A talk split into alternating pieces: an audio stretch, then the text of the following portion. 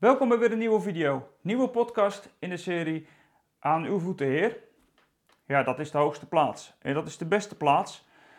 Hebben we de vorige keer al gezien dat Jezus uiteindelijk eigenlijk aan de voeten van zijn vader begon. En we zetten vandaag een stap in deze serie verder, want wie mogen er nou aan de voeten van Jezus zitten? Vorige keer ben ik met de stelling begonnen, een kerk die gelovigen maakt verdwijnt en een kerk die discipelen maakt, die groeit. Dus als wij het verlangen hebben dat de kerk hier op aarde groter wordt, dan zullen we als kerk discipelen moeten maken. Discipelen om er uiteindelijk voor te zorgen dat deze wereld, die zoveel nodig heeft van de hemel, in al deze gebrokenheid hier op aarde, zoveel nodig van de hemel, dat wij degene mogen zijn als discipelen van Jezus, die zijn hemel, die zijn koninkrijk op aarde zichtbaar mogen maken. Maar ja, dan is de grote vraag, en dat is de vraag voor deze video waar ik een antwoord op wil gaan geven. Wie mogen er nou aan de voeten van Jezus als discipelen zitten? Mijn naam is Theo de Koning van eindeloosgelukkig.nl en bij Eindeloos Gelukkig hebben we het verlangen dat gelovigen doorgroeien naar discipelen van Jezus. En ik moet je eerlijk zeggen dat ik misschien deze uitspraak die ik nu doe ook wel een beetje lastig vind ineens.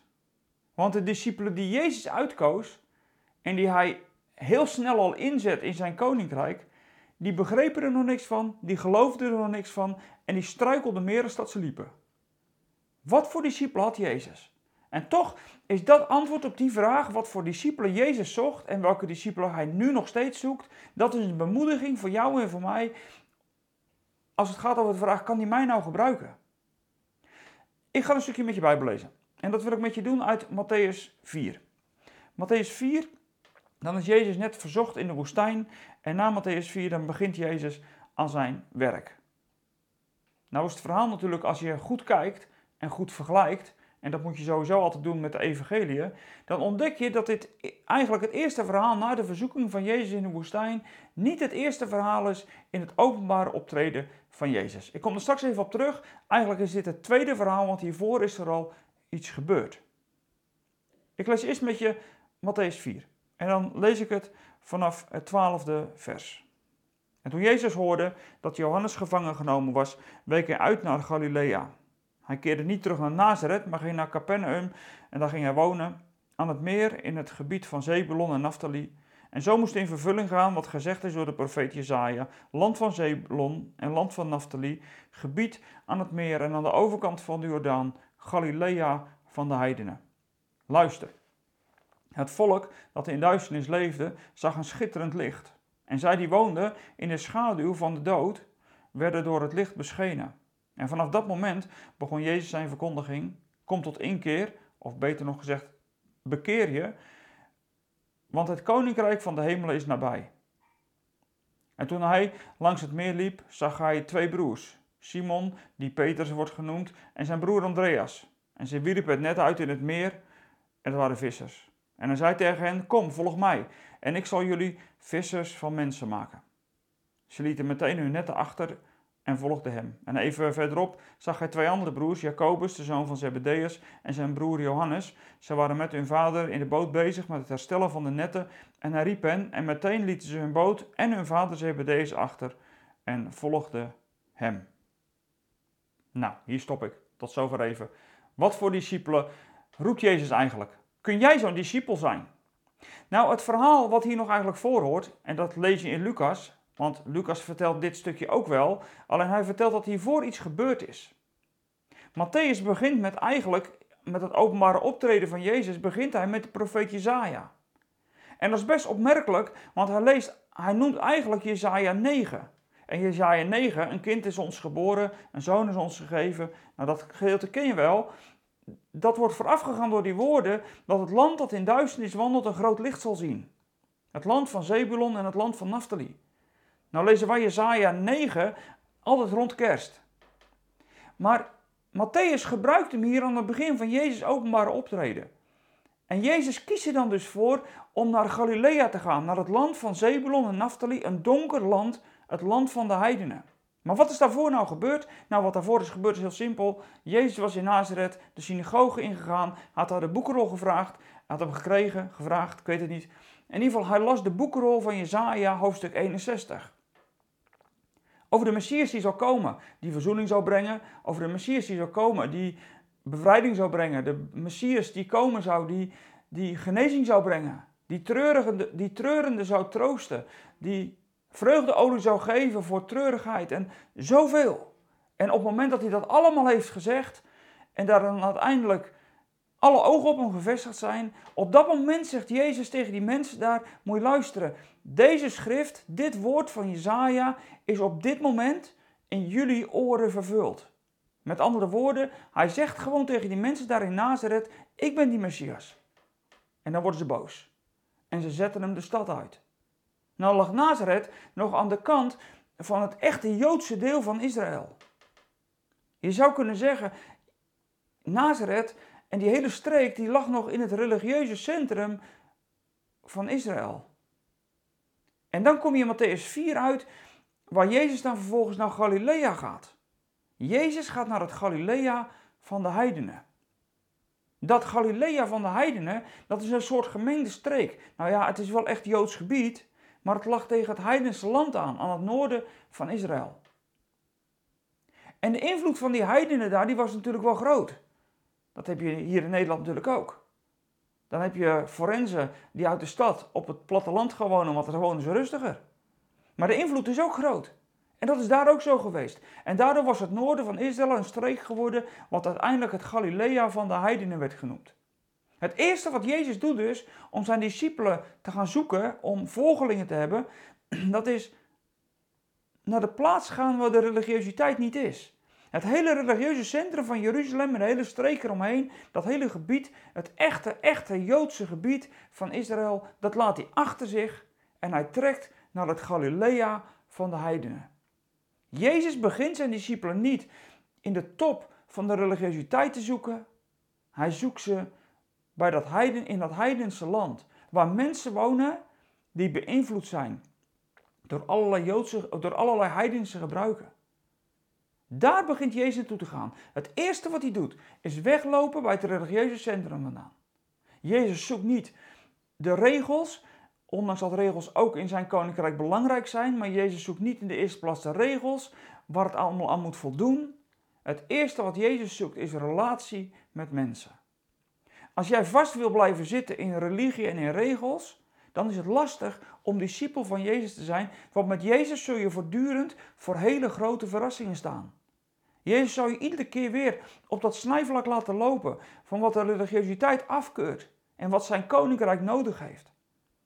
En daarom, daarom moet je beseffen dat als het over gaat over die vraag wie mag er nou aan de voeten van Jezus zitten als een discipel, dan is dit dus belangrijk. Jezus kiest zijn discipelen op die plaats waar hij het niet verwacht. Niet waar de religieuze professoren rondlopen, niet waar de geleerde gelovigen rondlopen, maar daar waar dat juist niet is. En als hij dan is overgestoken naar het land, is hij ook de Jordaan overgegaan. En dan komt hij in dat noorden van Israël, in Galilea. En het eerste dat hij dan doet, dat is dan zeggen, bekeer je. Ik heb er in de vorige video ook al even kort iets over gezegd. Maar het woordje bekeer je, of het komt tot inkeer, zegt de NBV 21. Ik kies liever voor bekeer je, want dat maakt meer duidelijk wat het is. Tot inkeer komen heeft namelijk de lading van dat zware woord van bekeren van zonde. En dat is maar de vraag of Jezus dat hier op deze manier tegen de mensen daar zegt. Want wat zegt Jezus hier nou eigenlijk als hij zegt: bekeer je, want het koninkrijk van de hemel is dichtbij gekomen? Jezus zegt eigenlijk tegen de mensen die hij daar spreekt: hij zegt niet zozeer: laat nou al die zondige praktijken achter. Dat zegt hij later heus wel, maar hier doet hij dat niet. In de context van dit gedeelte zegt Jezus: Ik ben het koninkrijk van de hemel. Ik ben het die de hemel op aarde komt brengen. En ik kom dicht bij jou. Draai je nou eens om. Keer je om. Kijk mij aan. En als je mij aankijkt, dan zie je dat het koninkrijk van de hemel dicht bij jou is gekomen. En als je mij gaat volgen, dan kom je in de krachtsomgeving, in de sfeer van dat koninkrijk. Dus dat woord bekeren heeft niks met dat hele zware woord te maken van je moet je bekeren van zonde. En wat in sommige kerken misschien ook wel heel groot gemaakt wordt. Jezus heeft het hier alleen maar om het omdraaien en het in de ogen kijken van het koninkrijk van de hemel dat dichtbij komt. Dat is waar het Jezus om gaat. Hij gaat dat heidense land in, hij laat de religiositeit achter en dan zegt hij, draai nou om. Maak je los van deze wereld en kijk mij aan. En als je mij aankijkt, dan zie je het koninkrijk van de hemelen. De discipelen die hij zoekt, die moeten namelijk in het koninkrijk van de hemelen actief worden. Dus ik heb nu twee dingen genoemd. Niet leven vanuit de religie, maar vanuit de relatie met Jezus. Dat zijn de mensen die aan zijn voeten horen te zitten, willen mogen zitten. Het tweede is dat, dat Jezus zegt: draai om, kijk naar het koninkrijk dat dichtbij is gekomen. Kijk niet naar de wereld in gebrokenheid. Ja, dat mag je wel zien. Maar weet dat de heling en het herstel komt vanaf de andere kant. En ik kom het je brengen. En jij mag het in mijn naam uitdelen.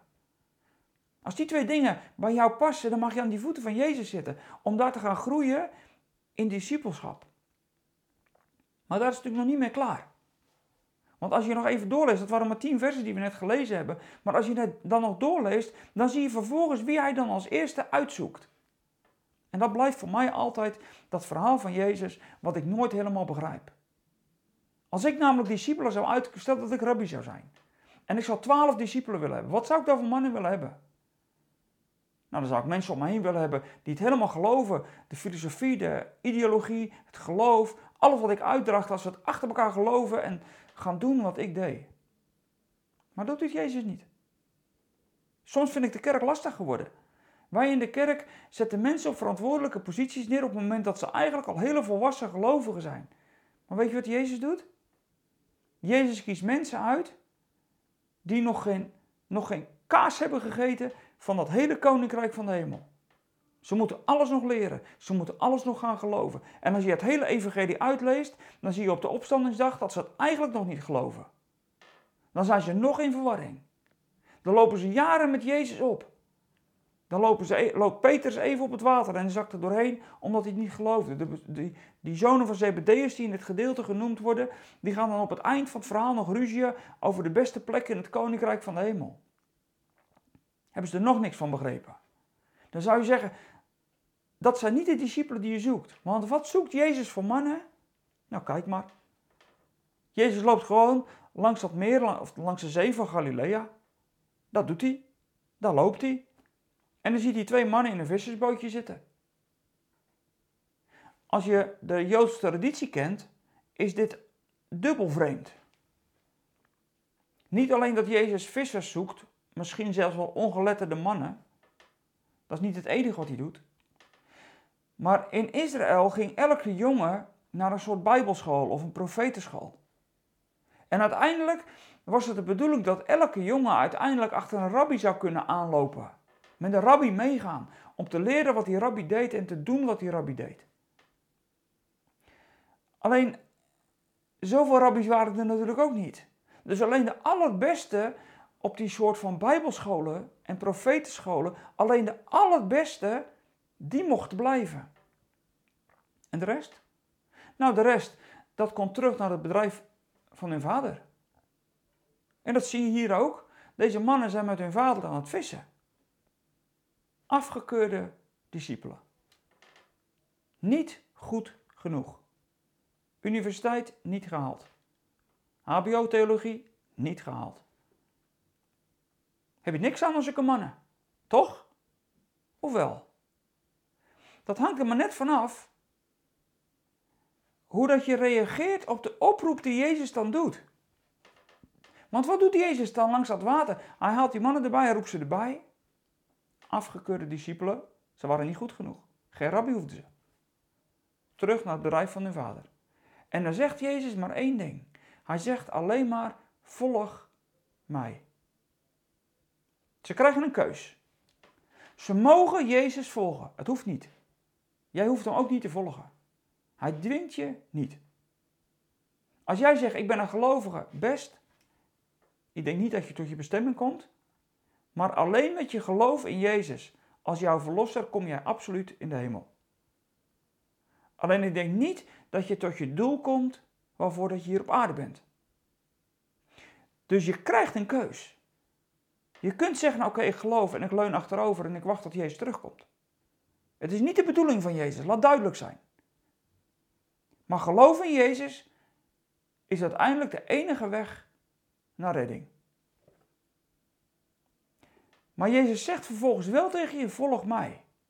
En dan kun je zeggen, dat is een machtswoord van Jezus. Nou, als dat een machtswoord was, dan is het het nu nog steeds.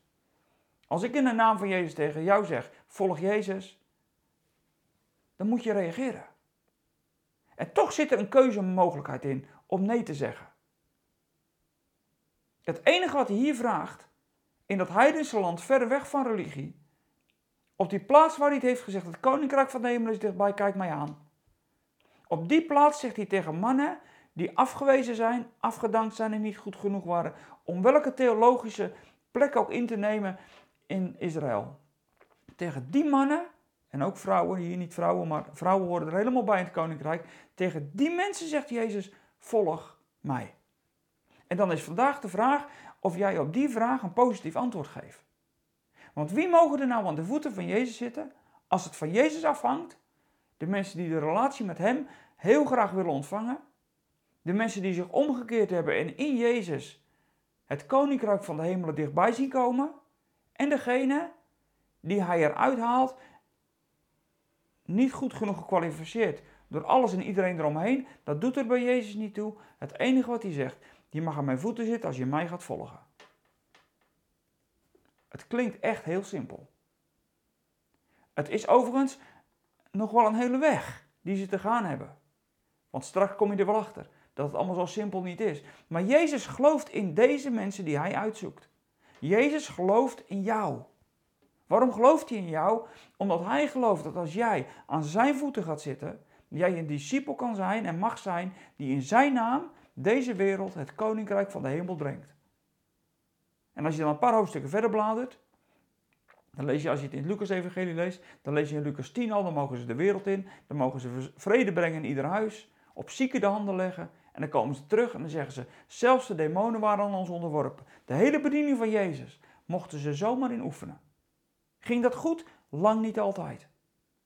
Want als Jezus van de berg van de verheerlijking afkomt, komt hij onderaan de berg en daar is een jongen die is maanziek, wat dat ook voor een ziekte geweest is, en die jongen konden ze niet helpen. Ze hadden niet genoeg geloof, ze hadden moeten bidden, ze hadden dit en ze hadden dat, ze het allemaal niet gedaan. Ze faalden, ze struikelden en ze maakten er weer opnieuw een puinhoop van. En toch, ondanks dat Jezus soms wel teleurgesteld op reageert, gaat hij altijd met ze verder, want hij houdt er geloof in. Want als jij aan zijn voeten gaat zitten, dan zul je leren wat het is om een discipel te zijn. En vandaag komt het aan op die keus. Of jij hem wil volgen. Want daar gaat het over bij discipelschap. En volgen is niet alleen maar luisteren, dat is ook nadoen wat je meester doet. Zodat je uiteindelijk, terwijl hij er nu niet meer is, zijn koninkrijk op aarde mag bouwen, mag uitdelen, mag geven. En hoe heerlijk is het als je op deze manier in dat koninkrijk van Jezus een discipel mag zijn. En weet je, ja, wie mogen er nou aan zijn voeten zitten? Ja, gewoon jij dus. En ik. Iedereen mag aan die voeten van Jezus als discipel komen en daar leren. Als jij met hem de relatie wil hebben. Als jij dat koninkrijk van de hemel wil ontmoeten. En als jij hem volgt, ja tuurlijk, dan mag je erbij. Niemand uitgesloten. Zo inclusief als dat het maar kan. En moet er dan wat veranderen in je leven? Oh, ongetwijfeld. Wat denk je dat er bij die mannen die die hier uitkiest heeft moeten veranderen? Genoeg. Maar onderweg met Jezus vormt hij ze zodat ze uiteindelijk zijn bediening strakjes overnemen. En Jezus zegt vandaag, met hetzelfde goddelijke, met diezelfde goddelijke macht, zegt hij vandaag tegen jou, volg mij. En is jouw antwoord dan, uw discipel luistert, hier ben ik en ik zal u volgen, alle dagen van mijn leven. Dankjewel voor het kijken. Goed dat je meedeed. Ik hoop dat je deze boodschap dat die je hart raakt. Ik heb er ook in sommige gemeentes over gepreekt, doe dat ik nog wel een paar keer. Omdat ik geloof dat deze boodschap er ook echt toe doet om mensen echt te bemoedigen. En daarom wil ik jou ook vandaag bemoedigen. Het is ook voor jou, ook jij mag als een discipel Jezus volgen. Dus goed dat je meedeed. Deel deze video, deel deze boodschap. Ehm, als je op YouTube hebt gekeken, geef even een blauw duimpje, vinden we altijd fijn. Ehm, wil je abonneren op ons kanaal, zodat je niks meer mist, doe dat dan ook gewoon gelijk even. En voor de rest zou ik zeggen, als je ons financieel wil steunen, dat zijn echt heel veel mensen die dat doen, van harte uh, aanbevolen. Um, nou, en degene die het al doen, heel erg bedankt. En voor degene die dat in overweging willen nemen, we zouden het heel fijn vinden, zodat we ook onze begroting aan het eind van het jaar waar we net aan begonnen zijn, uiteindelijk ook positief kunnen afsluiten. Bedankt voor nu en ik zou zeggen tot volgende week.